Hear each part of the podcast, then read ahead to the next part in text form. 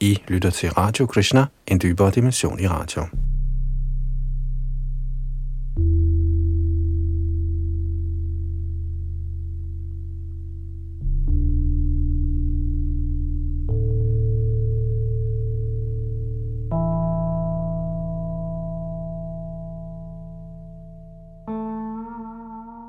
Vi fortsætter nu vores gennemgang af Sri Chaitanya Charitamrita, hvor vi er nået frem til den midterste del, fjerde kapitel, eller Madhya Lilas fjerde kapitel, hvor vi sidste gang afsluttede midt i en historie om Madhavendra Puris hengivende tjeneste.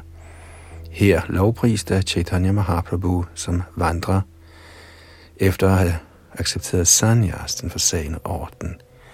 Chaitanya Mahaprabhu er Krishna selv i rollen som en helgen, tilbeder sig selv – og vi fortsætter her fra tekst 179 i dag, i det fjerde kapitel af Madhya Lila. Og bag teknik og mikrofon sidder Yadunandan Das.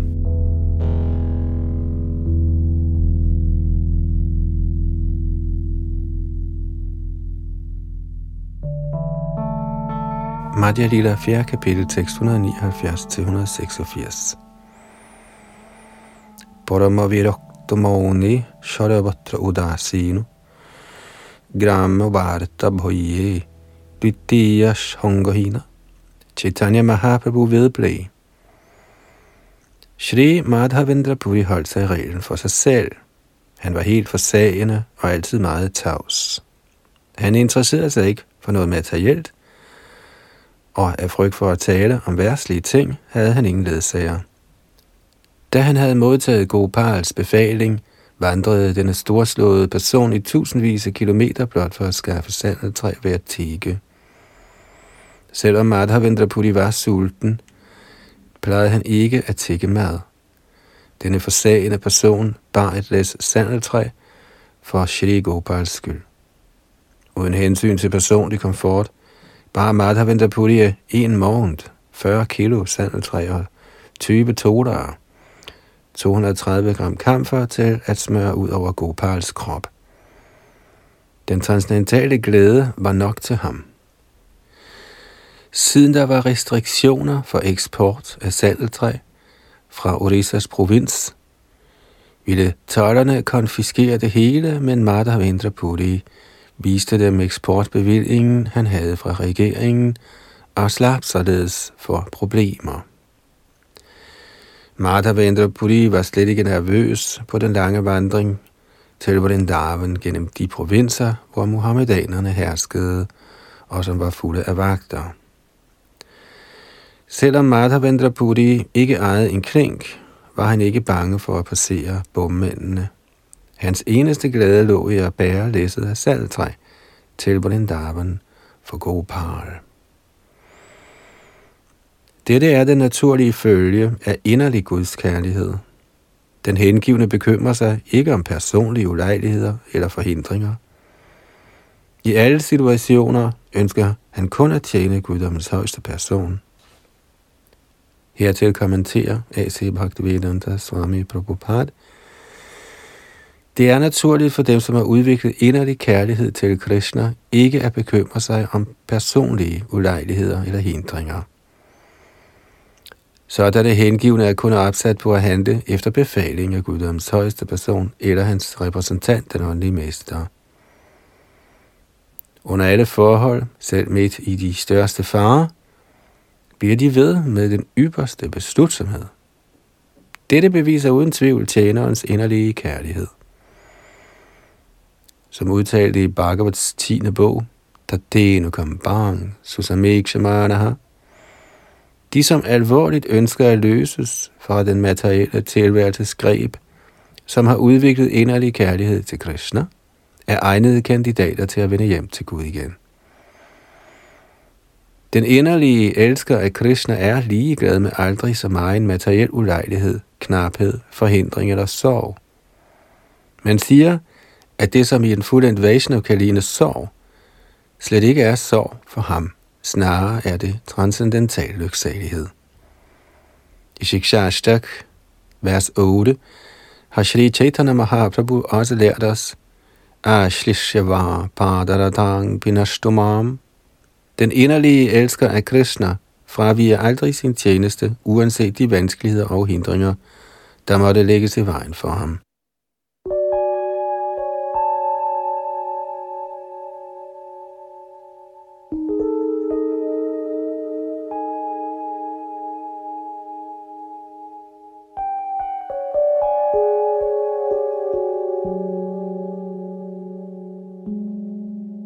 Shri Chaitanya Charitamrit, Madhya Lila 4. kapitel, tekst 187-197. Shri Gopal ville gerne vise, hvor inderligt Madhavendra Puri elskede Krishna. Så han bad ham rejse til Nilachal for at hente sandeltræ og kamfer. Med stort besvær af megen møje fik Madhavendra Puri bragt læsset af sandeltræ til Remuna. I midlertid var han stadig glad. Han så bort fra alle vanskelighederne. For at sætte Madhavendra Puris inderlige kærlighed på prøve, befalede Gopal, guddommens højeste person, at han skulle hente sandeltræ fra Nidachal, og da Madhavendra Puri bestod prøven, blev herren meget noget imod ham. Sådan kærlig tændende adfærd mellem den hengivne og hans genstand for kærlighed, Shri Krishna, er transcendental. Dette kan umuligt forstås af en almindelig mand. Almindelige mennesker har ikke engang evnen. Da han havde sagt det, læste han Chaitanya Mahaprabhu Madhavendra Puris berømte vers. Det vers er ligesom månen. Det har spredt oplysning over hele verden. Gentagen gnidning forøger duften af Malaya sandeltræ. Ligeledes øger overvejelsen af dette vers forståelsen af dets betydning. Ligesom Kaustuhamoni anses for den fineste af alle ædelstene, anses dette vers for det bedste af digte om den hengivne tjeneste stemninger. I virkeligheden blev dette vers talt af Srimati Radharani selv, og kun ved hendes barmhjertighed kom det til udtryk gennem Madhavendra Puris ord.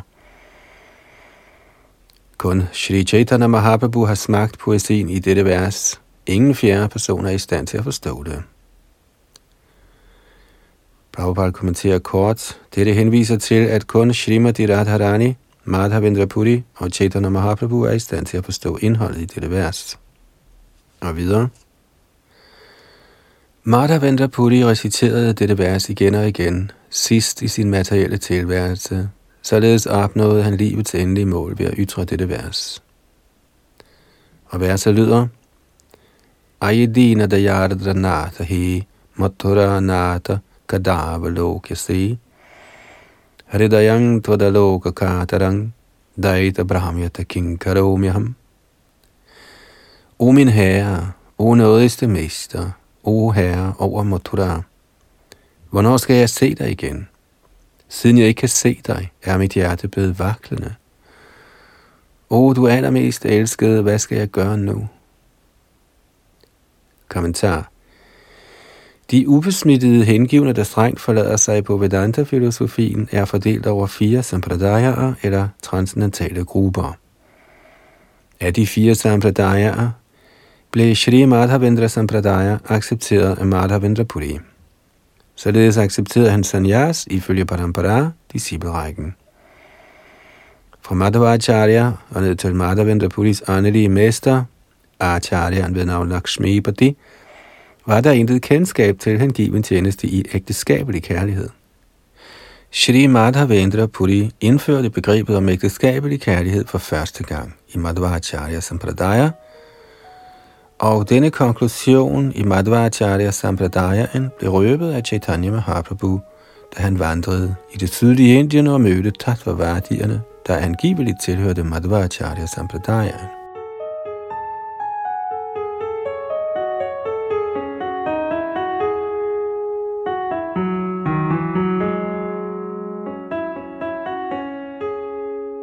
Da Shri Krishna forlod Vrindavan og accepterede Mathuras kongerige, gav Srimati Radharani ved sine ekstatiske følelser af adskillelse udtryk for, hvordan man kan elske Krishna i adskillelse. Således er hengiven tjeneste i adskillelse afgørende i dette vers. Tilbedelse i adskillelse bliver af Gaudiya Madhava Sampradaya opfattet som det højeste niveau af hengiven tjeneste. Ifølge denne idé opfatter den hengivne sig som meget usel og forsømt af Herren. Således tiltaler han Herren som Dina Dayardranat, ligesom Madhavendra Puri gjorde. En sådan ekstatisk følelse er den højeste form for hengiven tjeneste. Fordi Krishna var draget til Mathura, var Srimati Radharani meget påvirket, og hun udtrykte sig selv således. Citat. Min kære herre, på grund af adskillelsen fra dig, er mit sind blevet forstyrret. Sig mig nu, hvad jeg skal gøre. Jeg er meget usel, og du er meget nådig. Så have medlidenhed med mig, og lad mig vide, hvornår jeg vil se dig. Citat slut. Shri Chaitanya Mahaprabhu gav altid udtryk for Srimati Radharanis ekstatiske følelser, som hun viste dem, da hun så Udhav i Vrindavan. Lignende følelser, som de blev oplevet af Mata Puri, kommer til udtryk i dette vers. Derfor siger Gaudiya, Madhava Sampradayans Vaishnava, at de ekstatiske følelser, Shri Chaitanya Mahaprabhu oplevede i løbet af sin nedstigning, kom fra Shri Madhavendra Puri gennem Ishara Puri.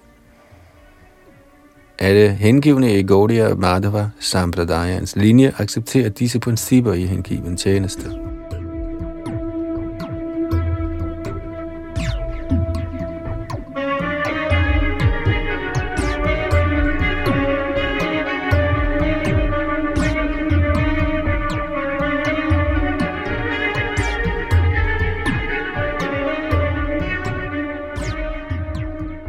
Madhya Lila 4. kapitel, tekst 198-202. Da Shri Chaitanya Mahaprabhu reciterede dette vers, faldt han øjeblikkeligt bevidstløs om på jorden. Han blev overvældet og havde ingen kontrol over sig selv. Da herren Shri Chaitanya Mahaprabhu faldt til jorden i ekstatisk kærlighed, løftede herren Nityananda ham hurtigt op på sit skød. Grædende rejste Chaitanya Mahaprabhu sig så op igen – med udtryk af ekstatiske følelser begyndte herren at løbe hid og did og lave rungende lyde. Snart lå han, snart græd han, og snart dansede han og sang. Chaitanya Mahaprabhu kunne ikke sige hele verset. Han gentog kun, Aidina, Aidina. Således var han ud af stand til at tale, og tårerne overstrømmede hans egne. Skælven, transpiration, glædestårer, chok, blegnen, skuffelse, sorg, hukommelsestab, stolthed, glæde og ydmyghed kom alle til udtryk i Shri Chaitanya Mahaprabhus krop. Kommentar I Bhakti Rasamrita Sindhu bliver Jarya forklaret som hukommelsestab forårsaget af et kraftigt chok, som følge af adskillelse fra den elskede. I den sinds tilstand mister man al bekymring om tab og vinding, hørelse og syn, såvel som alle andre hensyn. Dette markerer begyndende illusion.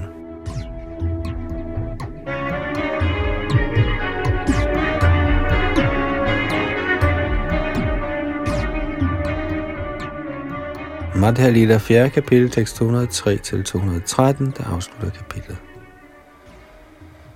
Dette vers blotlagde døren til ekstatisk kærlighed, og da den kom til manifestation, så alle Gopinaths tjenere Chaitanya Mahaprabhu danse i ekstase. Da en større menneskeskare flokkede omkring Shri Chaitanya Mahaprabhu, genvandt han sin ydre bevidsthed. I mellemtiden var gudskikkelsens måltid blevet afsluttet, og der beholdt en rungende arti. Da gudeskikkelserne var blevet lagt i seng, kom præsten ud af templet og gav herren Chaitanya Mahaprabhu 12 krukker søde ris. Da alle krukkerne med søde ris, som Gopinath havde levnet, blev anbragt foran Shri Chaitanya Mahaprabhu, blev han yderst behaget. Med henblik på at bespise de hengivne, tog han imod fem af dem. De syv resterende krukker blev givet tilbage til præsten. Så blev de fem krukker søde ris, herren havde accepteret, fordelt blandt de fem hengivne, og de spiste på prasadam. Som værende identisk med gudeskikkelsen Gopinath havde Shri Chaitanya Mahaprabhu allerede smagt og spist krukkerne med de søde ris. Men kun for at vise en given tjeneste spiste han atter krukkerne med de søde ris som en hengiven.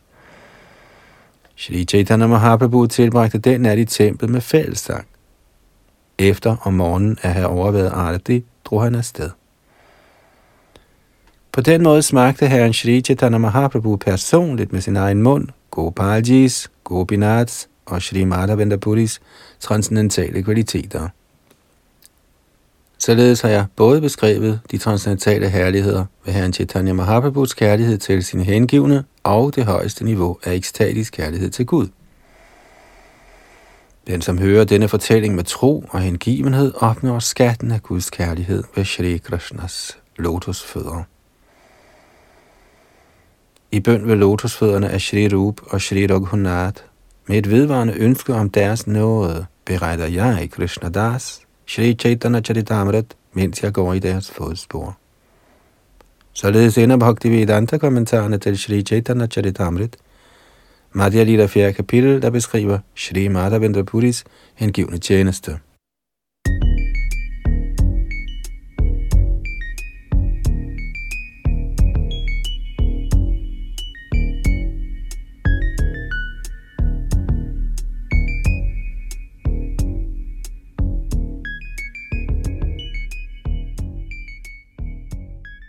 Shri Chaitanya Charitamrit, Madhya Lila, 5. kapitel, Shakshi Gopals aktiviteter.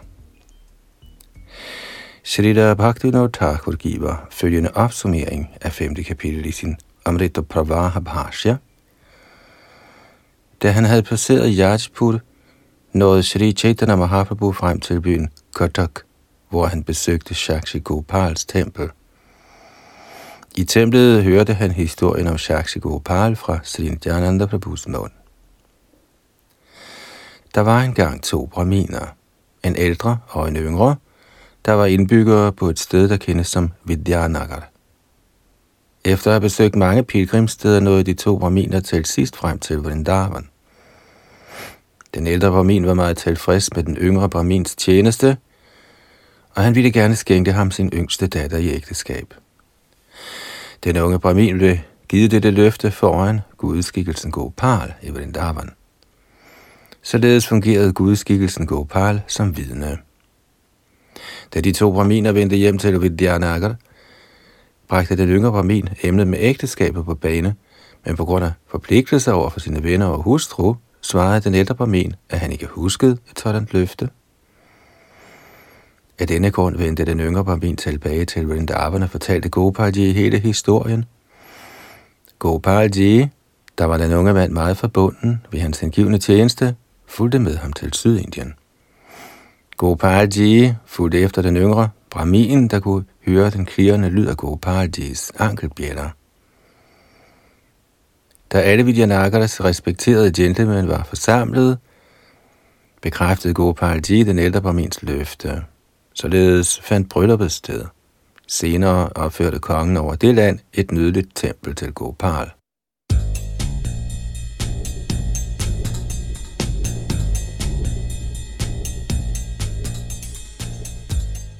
Herefter blev kong Purushottam Dev af Orissa fornærmet af kongen over Kotak, der nægtede at skænke ham sin datter i ægteskab og kaldte ham for en af herren Jagannaths gadefejere.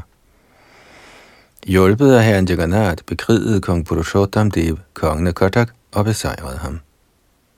Således tog han både kongens datter og staten Katak i besiddelse. Gopalji, der var blevet kong Purushottam Dev meget forbunden på grund af hans hengivne tjeneste, blev til den tid bragt til byen Kotak. Efter at have hørt denne fortælling, besøgte Sri Chaitanya Mahaprabhu Gopals tempel i stor ekstatisk Guds kærlighed. Fra Kartak tog han til Bhuvaneshwar og besøgte herren Shivas tempel der. På den måde kom han gradvist til Kamalapur, og på bredden af floden Bharagi ankom han til Shivas tempel, hvor han betroede Nityananda Prabhu sin sanyas stav. I midlertid brækkede Nityananda Prabhu staven i tre dele og smed den i floden Bharagi på et sted ved navn Ardharanala. Rød over ikke at have fået staven tilbage, forlod Chaitanya Mahaprabhu Nityananda Prabhus selskab og gik alene afsted for at besøge Jagannath-templet.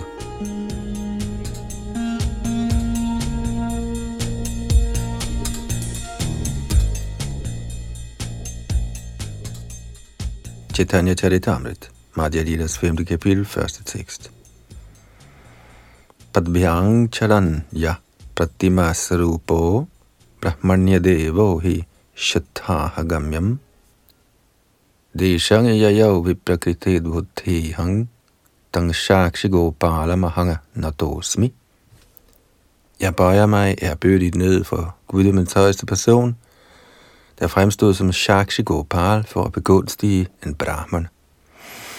I 100 dage vandrede han over landet på sine egne ben, således er hans aktiviteter vidunderlige. Og videre tekst 5-9. Ære være Herren, Sri Chaitanya Mahaprabhu. Ære være Herren Nityananda Prabhu. Ære være Shri Advaita Prabhu. Og ære være alle Shri Chaitanya Mahaprabhus hengivne. Som han gik og gik, nåede Shri Chaitanya Mahaprabhu og hans hold om tider frem til Yajpur ved floden Vaitarani. Her besøgte han Varahadevs tempel og viste ham sin erbødighed. I Varahadevs tempel sang og dansede Shri Chaitanya Mahaprabhu og fremsagde bønder. Han overnattede i det tempel. Herefter drog Shri Chaitanya Mahaprabhu til byen Kodak for at besøge templet, tilhørende vidnet Gopal. Da han så Gopal gudskikkelsen, blev han betaget af hans skønhed. Her dansede og sang Sri Chaitanya Mahaprabhu i nogen tid, og i overvældelse fremsagde han mange bønder til Gopal. Den nat blev Sri Chaitanya Mahaprabhu i Gopals tempel, og sammen med alle de hengivne hørte han med stor glæde fortællingen om vidnet Gopal. Tidligere, da Nityananda Prabhu havde været på rundrejse over hele Indien for at besøge pilgrimssteder, var han også kommet til Shakshi Gopal i Katak. Dengang havde Nityananda Prabhu fået historien om Shakshi Gopal fortalt af byboerne. Han genfortalte det nu, og herren Chaitanya Mahaprabhu hørte beretningen i stor fryd. Hertil kommenterer A.C. Bhaktivedanta Swami Prabhupada. Shakshi Gopals tempel er beliggende mellem Kudada Road jernbanestationen og Jagannath Puri station. Gudskikkelsen befinder sig på nuværende tidspunkt ikke i Kartak, men da Nityananda Prabhu besøgte templet, var gudskikkelsen der.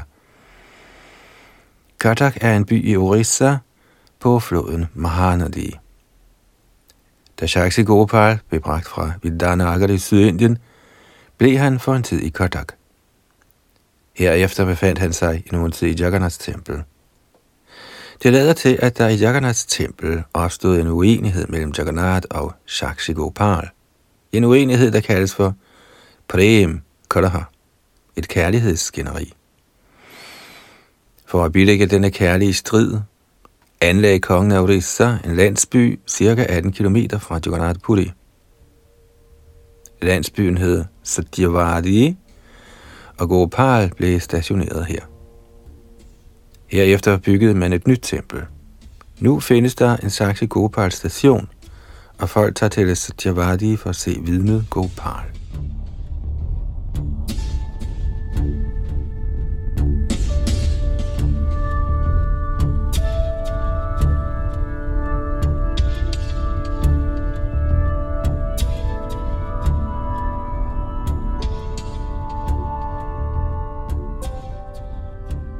Chaitanya Charitamrit, Madhya Lila 5. kapitel, tekst 10-12.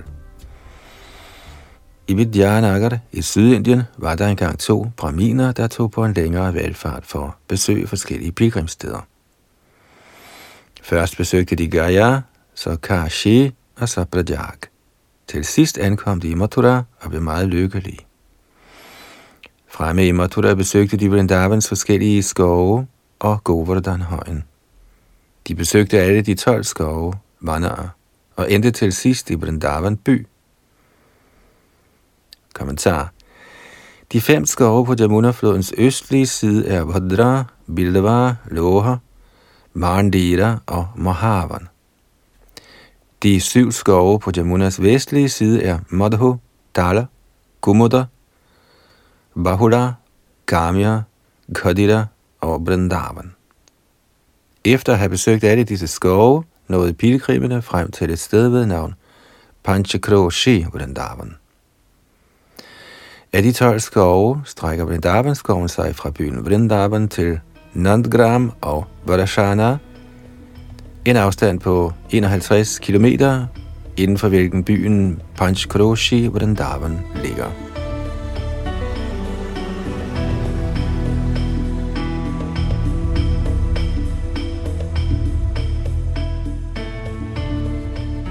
Shri Chaitanya Charitamrit, Madhya Lila 5. kapitel, tekst 13-22. I landsbyen Panchkroshi Vrindavan, på det sted, hvor Govindas tempel ligger nu, var der et stort tempel, hvor overdådig tilbedelse af Gopal blev udført. Efter at have taget deres bad forskellige dertil anlagte steder langs floden Jamuna, såsom Keshi Ghat og Kalia Ghat, besøgte pilgrimene Gopals tempel. Bagefter overnattede de i templet. Gudskikkelsen Gopals skønhed stjal deres sind, og med en følelse af stor glæde blev de der i to eller fire dage. Den ene af de to brahminer var en gammel mand, og den anden var ung. Den unge mand hjalp den gamle. Sandt at sige var den unge brahmin altid den ældre behjælpelig, og den gamle mand, der satte stor pris på hans tjeneste, var meget tilfreds med ham. Den ældre mand fortalte den yngre, Du har tjent mig på mange måder. Du har hjulpet mig på mine rejser til alle disse pilgrimssteder. Ikke engang min egen søn gør sådan tjeneste. Ved din venlighed er jeg ikke blevet udmattet på denne tur. Hvis ikke jeg viser dig nogen respekt, ville jeg være utaknemmelig. Derfor lover jeg at give dig min datter i godgørenhed. Den yngre på min svarede, min herre, hør mig venligst. De siger noget ganske usædvanligt. Den slags ting sker aldrig. De er en aristokratisk familiefar, veluddannet og velhavende. Jeg er slet ikke aristokratisk, og jeg mangler en ordentlig uddannelse og ejer ingen rigdom. Kommentar. Gennem fromme aktiviteter kan man beriges med fire overdådigheder. Man kan fødes i en aristokratisk familie, få en høj uddannelse, blive meget smuk eller opnå en tilstrækkelig mængde rigdomme. Sådanne ting skyldes fromme aktiviteter, man har udført i ens tidligere liv. I Indien er det stadig kutume blandt aristokratiske familier, at man aldrig overvejer et ægteskab med en almindelig familie. Selvom kasten kan være den samme, bliver sådanne ægteskaber afvist med henblik på bevarelsen af aristokratiet. Ingen fattig mand ville våge at gifte sig med datteren af en rig mand. På grund af dette kunne den unge brahmin, da den ældre tilbød ham sin datter, ikke tro på, at det ville være muligt at ægte hende. Derfor spurgte han den ældre brahmin, hvorfor han foreslog noget, der var uden fortilfælde. Asambhava. Det var uhørt for en aristokratisk person at give sin datter til en person, der var både uuddannet og fattig.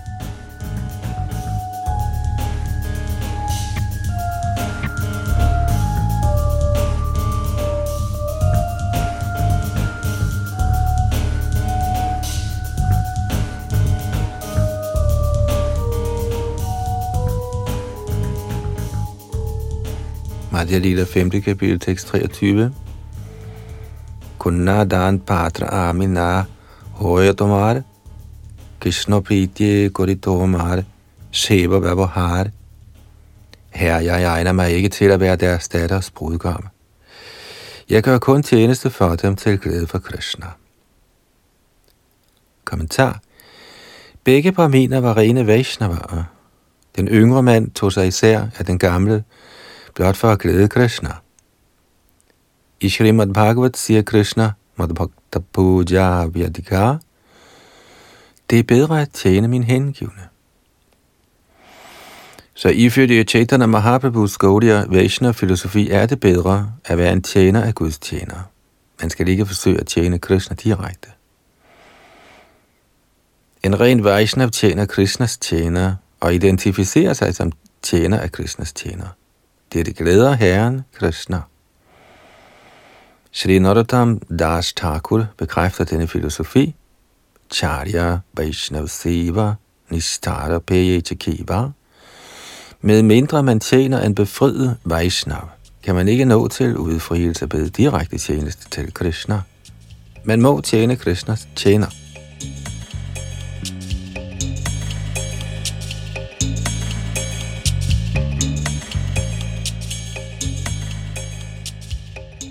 Madhya Lila 5. kapitel, tekst 24.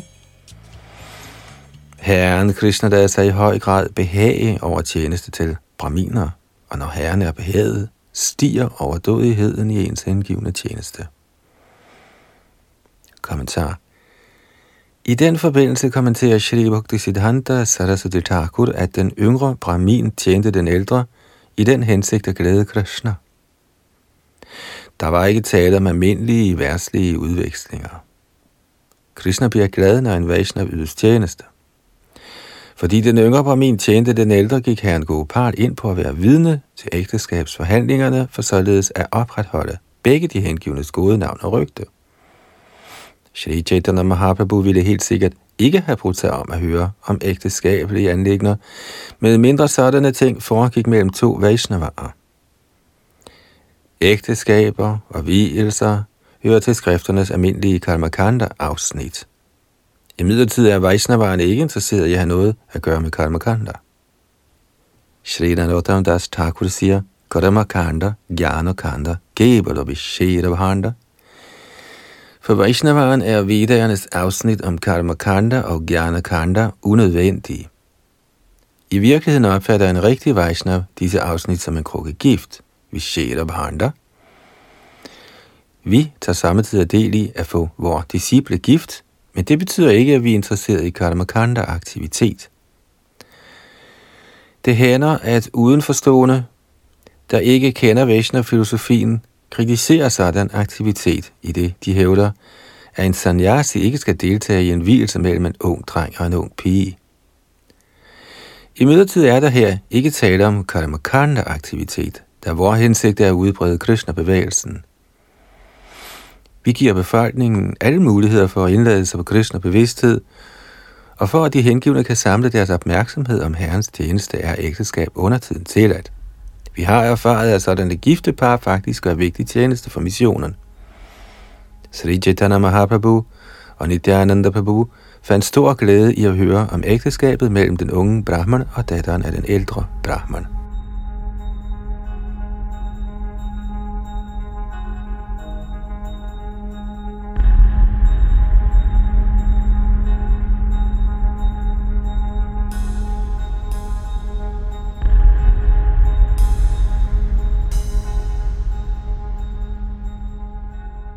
Madhya Lila 5. kapitel tekst 25 til 28. Den ældre barmen svarede, Min dreng, tvivl ikke på mig. Jeg skal nok give dig min datter i godgørenhed. Jeg har allerede besluttet mig. Den unge Brahmin sagde, De har deres hustruer og sønner, og de har en vid kreds af slægt og venner. Uden tilladelse fra deres venner og slægtninge vil de umuligt kunne give mig deres datter i godgørenhed. Betænk blot historien om dronning Rukmini og hendes far Bhishmak. Kong Bhishmak ville gerne give Krishna sin datter Rukmini i godgørenhed, men Rukmi, hans ældste søn, gjorde indsigelser. Derfor kunne han ikke gennemføre sin beslutning. Kommentar Som udtalt i Bhagavats 10. bog.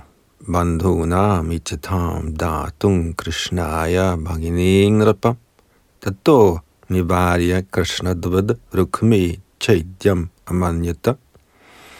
Kong Bismarck af Vidarbha ønskede at skænke Krishna sin datter Rukmini, men Rukmi, den ældste af hans fem sønner, modsatte sig. Så Bhishmak trak sin beslutning tilbage og besluttede sig for at give sin datter til kongen over Chedi, Shishupal, der var en af Krishnas fætre. I midlertid udtænkte Rukmini et knep – hun sendte et brev til Krishna og bad ham om at kidnappe hende. Så for at glæde Rukmini, der var hans inderlige hengivne, kidnappede Krishna hende. Der opstod en vældig kamp mellem Krishna og modstandersiden, der var under ledelse af Rukminis bror Rukmi. Rukmi blev overvundet og blev, på grund af sine hårde ord imod Krishna, næsten dræbt, men han blev skånet på Rukminis anmodning. I midlertid ravede Krishna alt håret af Rukmis hoved med sit svær. Shri Balaram brød sig ikke om dette, så for at glæde Rukmini dadlede Balaram Krishna.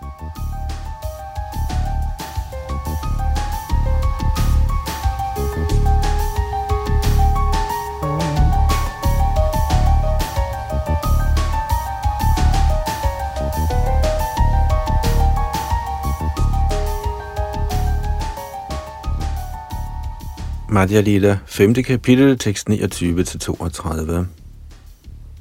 Bada vipra koha konna mora nijadhan, nijadhan dikte nishe bibhe konjon. Den ældre barmen sagde, Min datter er min ejendom. Hvis jeg vælger at give min ejendom til nogen, hvem har da magt til at forhindre mig? Min kære dreng, jeg vil give dig min datter i godkørenhed, og jeg vil ikke tage mig af nogen andens mening. Du må endelig ikke betvivle mig i den henseende. Du skal blot acceptere mit forslag. Den yngre barmin svarede, Hvis de har besluttet dem for at give deres unge datter til mig, vær da så venlig at fortælle det for gudskikkelsen Gopal. Foran Gopal sagde den ældre Brahmin, Min kære herre, vær venligst vidne til, at jeg har givet denne dreng min datter. Kommentar i Indien er det stadig kutume, at man skænker nogen sin datter blot ved at sige det mundtligt. Dette kaldes for vagdat. Det betyder, at en piges far, bror eller værve giver sit ord på, at hun bliver gift med en bestemt mand. Som følge heraf kan datteren ikke giftes med nogen anden. Hun er reserveret i kraft af farens eller værvens ærlige ord. Der har været mange tilfælde, hvor en piges forældre har givet nogen et mundtligt løfte om, at deres datter bliver gift med hans søn. Begge parter indvilliger i at vente indtil drengen og pigen er vokset op, og så finder hvilesen sted. I overensstemmelse med denne skik, der er meget gammel i Indien, lovede den ældre Brahmin at give sin datter til den yngre Brahmin i godgørenhed, og han lovede dette foran gudskikkelsen Gopal. I Indien er det kutume, at man honorerer et hvert løfte, man aflægger foran gudskikkelsen. Et sådan løfte kan ikke brydes.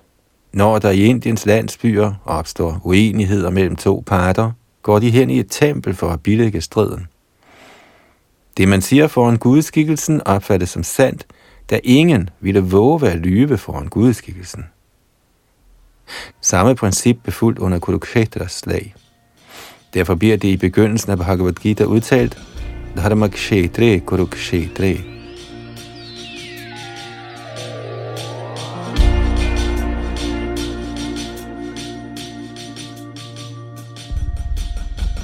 Når menneskesamfundet ikke bliver gudsbevidst, forfalder det til den laveste standard af dyrisk liv.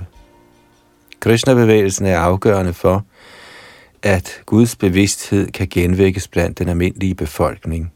Hvis folk faktisk blev bevidst om Gud, kunne alle stridigheder bilægges uden for retssalen, ligesom det skete i tilfældet med de to braminer, hvis uenighed blev bilagt ved vidnet Gopal.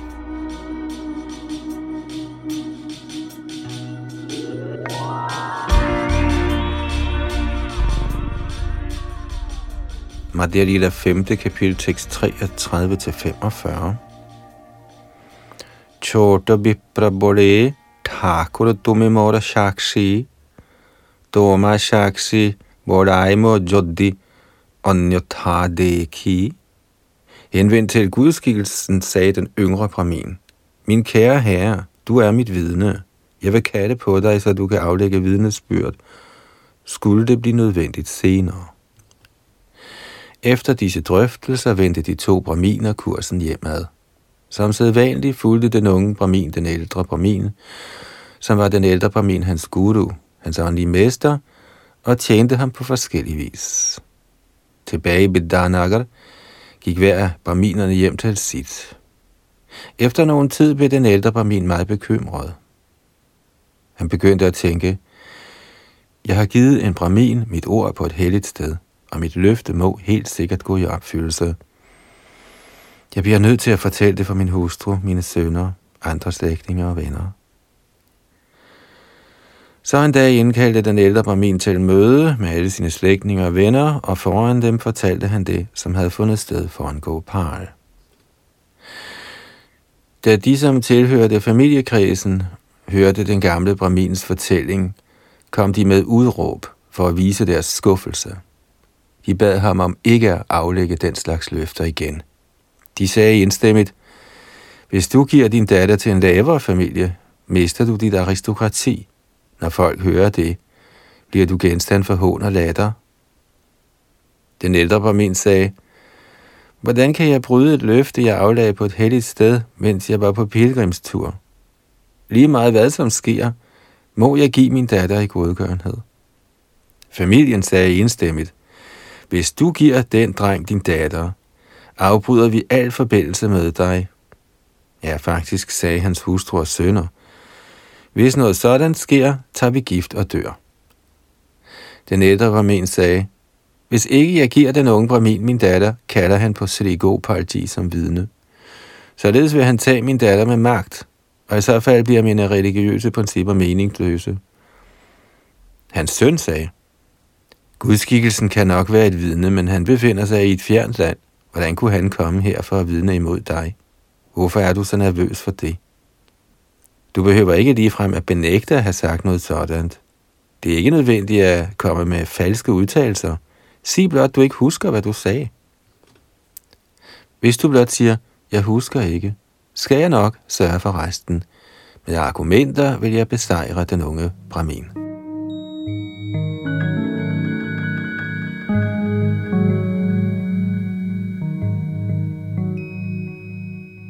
Kommentar Sønnen af den ældre Brahmin var ateist og tilhænger af Raghunath Smriti.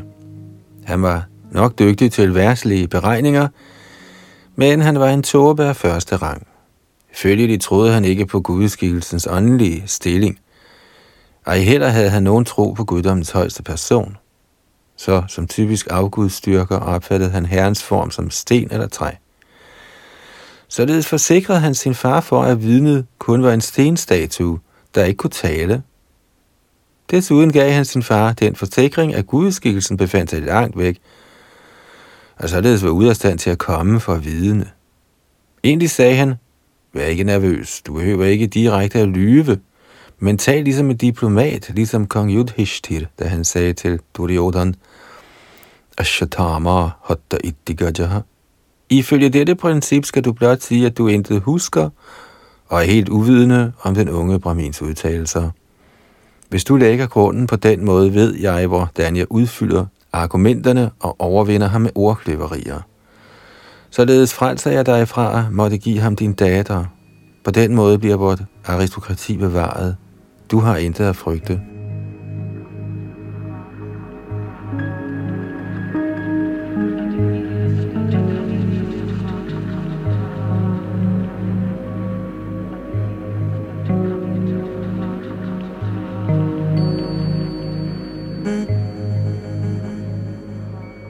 Madhya Lila, kapitel 5, tekst 46-76. Beto shune viprero, cintito hoilamon, i kanto bhave chinte vipra gopal charan. Da den ældre barmin hørte det, blev han overordentligt forstyrret i sit sind. Med en følelse af hjælpeløshed samlede han helt enkelt sin opmærksomhed om Gopales lotusfødder. Den ældre Brahmin bad, Min kære herre Gopal, jeg har søgt dine lotusfødders ly, og derfor anmoder jeg dig om venligst at beskytte mine religiøse principper imod at skulle forstyrres og samtidig frelse mine slægtninge for døden.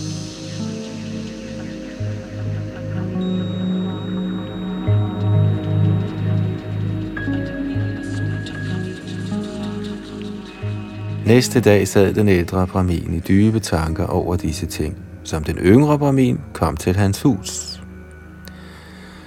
Den yngre Brahman kom til ham og viste ham sin erbødighed. Herefter sagde han ydmygt med foldede hænder følgende. De har lovet at give mig deres datter i godgørenhed. Nu siger de intet. Hvad er deres endelige beslutning? Da den yngre Brahmin havde sagt det, forholdt den ældre Brahmin sig tavs. I benyttelse af lejligheden kom hans søn ud med en stok i hånden for at slå den yngre mand. Sønnen sagde, Åh, din usle person, du vil gerne ægte min søster, ligesom en dværg, der ønsker at fange månen. Ved synet af stokken i sønnens hånd flygtede den yngre Brahmin. Næste dag fik han imidlertid samlet alle folk fra landsbyen. Byens folk sendte bud efter den ældre Brahmin og bragte ham til deres mødested. Den unge Brahman begyndte at tale til dem som følger. Denne gode mand har lovet mig sin datters hånd, men nu holder han ikke sit løfte. Vil I venligst bede ham om at forklare sin opførsel? Alle de forsamlede mennesker spurgte den ældre Brahmin. Hvis de allerede har lovet at give deres datter i godgørenhed, hvorfor holder de i så fald ikke deres løfte? De har givet deres æresord. Den ældre barmin sagde, Kære venner, hør mig venligst. Jeg husker ikke rigtigt at have givet et sådan løfte. Da sønnen af den ældre Brahmin hørte det, benyttede han lejligheden til at sige noget vrøvl.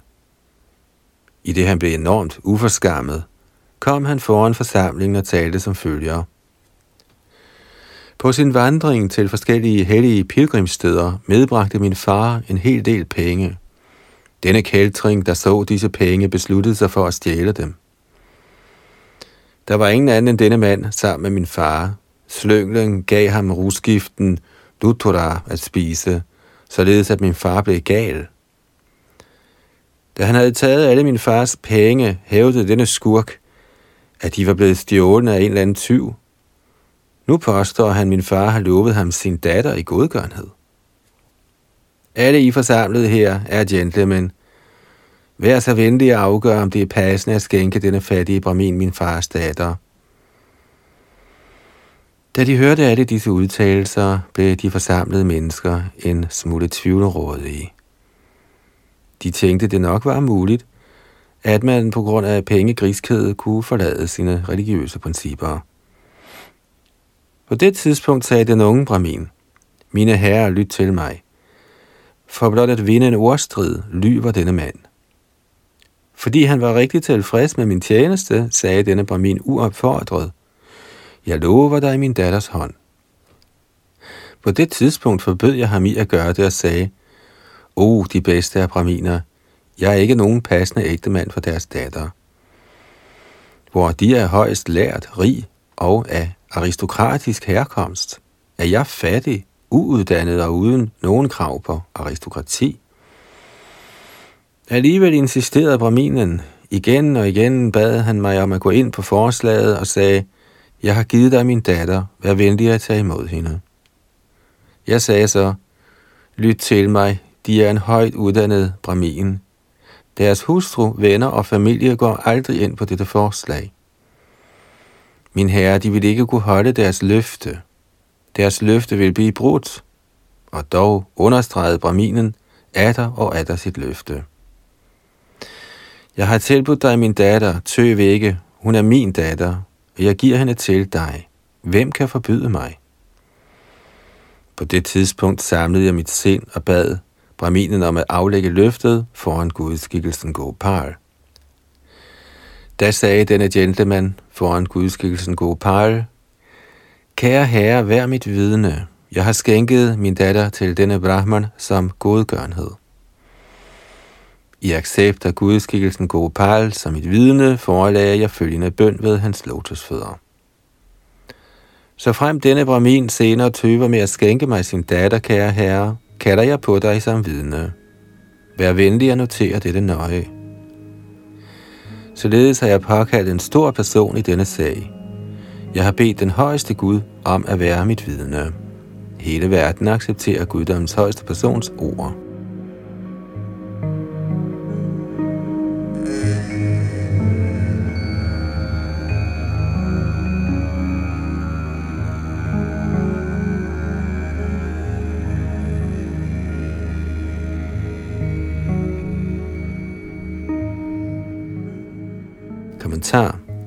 Selvom den unge Brahmin beskrev sig selv som uden krav på aristokrati og som en uuddannet og almindelig mand, havde han dog en god kvalifikation. Han havde tillid til, at guddommens højeste person var den højeste autoritet. Han troede på Herren Krishna uden tøven, og han nærede fast tro på, at Herren var konsekvent. Ifølge Prahlad Maharaj, en anden autoritet på guddommens højeste person, skal en således den haftige hengivende Herren opfattes som yderst lært. man hitam uttamam. En ren hengiven, som tror fast på guddommens højeste persons ord, skal anses for yderst lært, højst aristokratisk og verdens rigeste mand. Alle gudelige kvaliteter er automatisk til stede i en sådan hengiven. I Krishna-bevægelsens forkyndelsesarbejde tror vi, som guddoms højeste persons tjeners, tjeners, tjeners, tjener på de ord, der kommer fra Krishna og hans tjenere, disciplerækken. På den måde præsenterer vi Krishnas ord over hele verden. Selvom vi hverken er nogen rigmand eller særlig lært, og selvom vi ikke tilhører noget aristokrati, bliver bevægelsen alligevel taget godt imod, og den breder sig let over verden. Selvom vi er meget fattige og mangler en professionel indtægtskilde, sørger Krishna for penge, når vi skal bruge dem. Når vi har brug for folk, bringer Krishna dem. Således udtaler Bhagavad Gita, Yangadabdhava chaparang labhang manyate nadhikang tataha. Hvis vi faktisk kan sikre os guddoms højeste person, Krishnas gunst, har vi ikke brug for andet.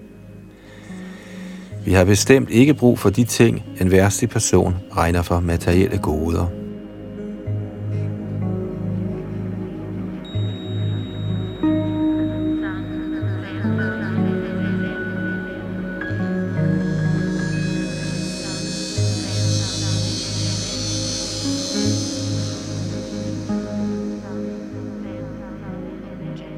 Madhya Lila, kapitel 5, tekst 77 og 78.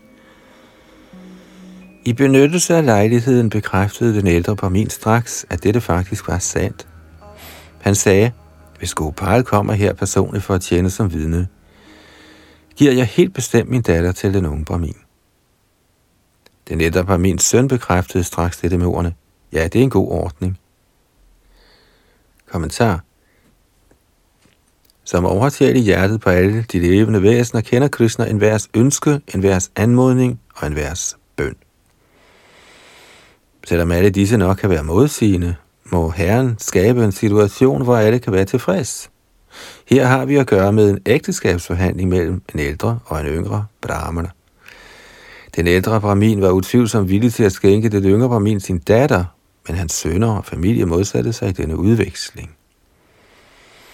Den ældre Brahmin overvejede, hvordan han kunne komme ud af denne situation og alligevel give datteren til den unge Brahmin. Hans søn, der var ateist og temmelig snu, forsøgte at udtænke, hvordan han kunne forhindre ægteskabet. Faren og sønnen nærede modstridende opfattelser, og dog skabte Krishna en situation, hvor de kunne enes. De blev enige om, at så frem gudskikkelsen Gopal kom for at fungere som vidne, kunne datteren skænkes den unge brahman.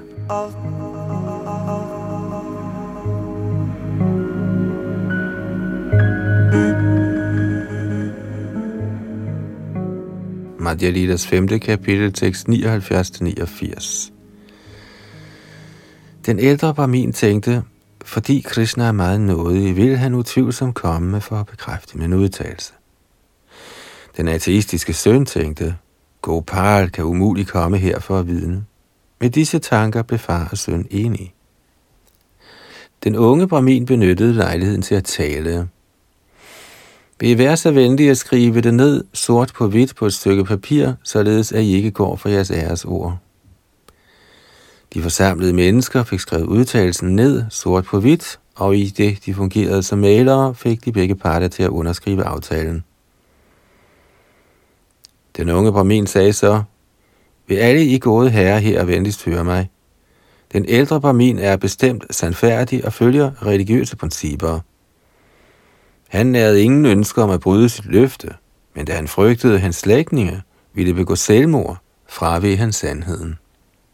Ved den ældre Brahmins fremhed vil jeg påkalde guddommens højeste person som vidne, således vil jeg holde mit højtidlige løfte.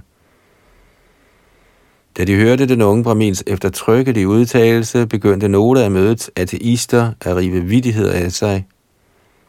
Men andre sagde, Herren er jo meget barmhjertig, og hvis han vil, kan han komme.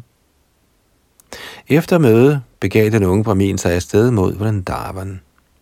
Da han nåede frem, viste han først gudskikkelsen sin erbødige respekt, og fortalte så det hele i detaljer. Han sagde, Min herre, du er den braminske kulturs beskytter, og du er også meget barmhjertig. Vær derfor så venlig at vise din store nåde ved at beskytte de religiøse principper for os to braminer. Kære herre, jeg tænker ikke på lykken ved at få datteren som min brud. Jeg tænker kun på, at braminen har brudt sit løfte, og det piner mig i høj grad.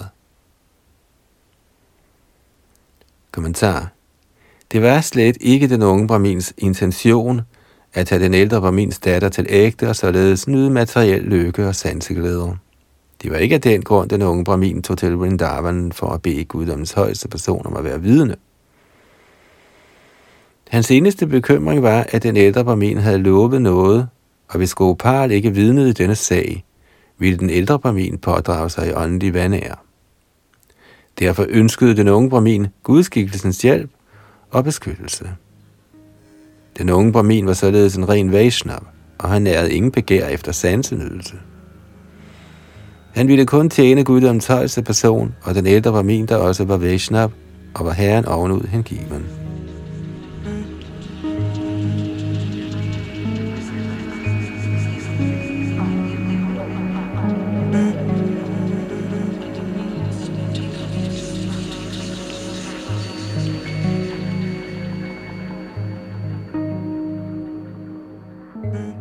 Madhya Lila 5. kapitel, tekst 90.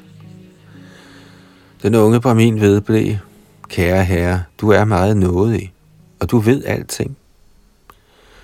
Vil du således være så venlig at tjene som vidne i denne sag?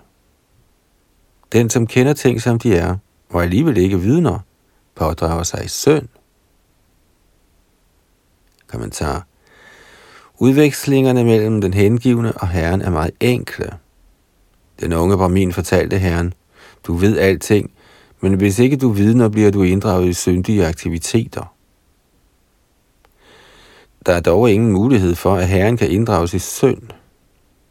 Den rene hengivne kan, skønt han ved alt om den højeste herre, tale med herren, som var han et almindeligt menneske. Selvom udvekslingerne, herren og hans hengivne imellem altid er simple og åbne, er der også tale om formalitet. Alle disse ting sker ved forbindelsen mellem Herren og den hengivne.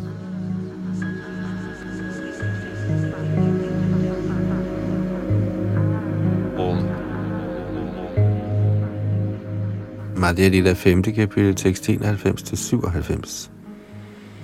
Krishna ko hevi pratumijaha shubhavane shubha kori more tumi korila smorane.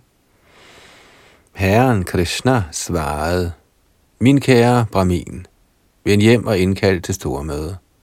Til dette møde skal du blot forsøge at huske mig. Jeg vil bestemt vise mig der, og der vil jeg beskytte begge I to Brahminers ære ved at aflægge vidnesbyrd om løftet. Den unge Brahmin svarede, kære herre, selvom du kom der som en Vishnu-guddom med fire hænder, ville ingen af de folk tro på dine ord. Kun hvis du kommer i denne din form som Gopal og siger ordene med dit smukke ansigt, vil dit vidnesbyrd blive hørt af alle folkene. Herren Krishna sagde, jeg har aldrig hørt om en gudskikkelse, der spacerede fra det ene sted til det andet. Brahminen svarede, det er sandt. Men hvordan kan det være, at du taler til mig, selvom du er en gudskikkelse? Kære herre, du er ingen statue. Du er direkte Maharaj Nandas søn. Nu kan du, for den gamle Brahmins skyld, gøre noget, du aldrig har gjort før. Shri Gopalji smilede så og sagde, Kære Brahmin, lyt til mig. Jeg vil gå bag dig, og på den måde kommer jeg med dig. Kommentar. Samtalen mellem Herren Shri Krishna og Brahminen beviser, at Herren i sin Adichamurti eller form af materielle elementer ikke er materiel, da disse elementer, selvom de nok er adskilt fra Herren, også er del af Herrens energi, ligesom Bhagavad Gita udtaler. Fordi elementerne er Herrens egen energi, og fordi der ingen forskel er på energien og den energiske, kan Herren vise sig gennem et hvert af elementerne. Ligesom solen kan handle gennem solskinnet, og således udbrede varme og lys, kan Krishna med sin ufattelige magt ligeledes vise sig i sin originale åndelige form i et hvilket som helst af de materielle elementer, herunder sten, træ, maling, guld, sølv og juveler, da alle de materielle elementer er hans energi. Shastra advarer, Ratye Vishnu Shiladhi Naragi Saha. Man må ikke opfatte Adichamurtien eller templets gudeskikkelse som sten, træ eller andre materielle elementer. Ved sin avancerede åndelige position vidste den yngre Brahmin, at gudeskikkelsen, skønt nok til synladende lavet af sten, ikke var nogen sten. Han var Nanda Maharajas søn, Brajendra Nandan i egen høje person. Som sådan kunne gudskikkelsen handle nøjagtigt, som Herren gør i sin oprindelige Krishna-form.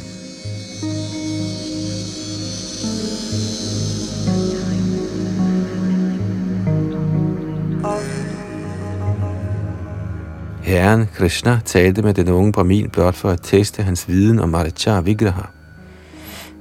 Med andre ord kan de, som har forstået videnskaben om Krishna, Krishnas navn, form, kvaliteter og så fremdeles, også tale med gudskikkelsen. For et almindeligt menneske vil gudskikkelsen imidlertid fremstå, som var han lavet af sten, træ eller andre materialer. I den højere forstand, eftersom alle materielle elementer i sidste instans udstråler fra det højeste åndelige væsen, er intet egentlig materielt.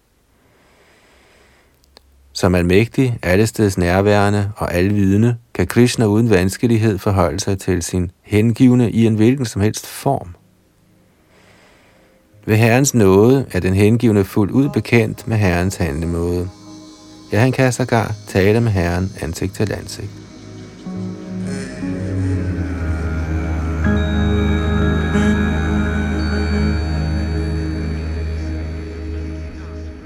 Så nåede vi frem til tekst 97 her i Madhya Lidas 5. kapitel her i Chaitanya Charitamrit. Næste gang fortsætter vi herfra, hvor vi slap. Det var Yadunandan Das bag mikrofon og teknik.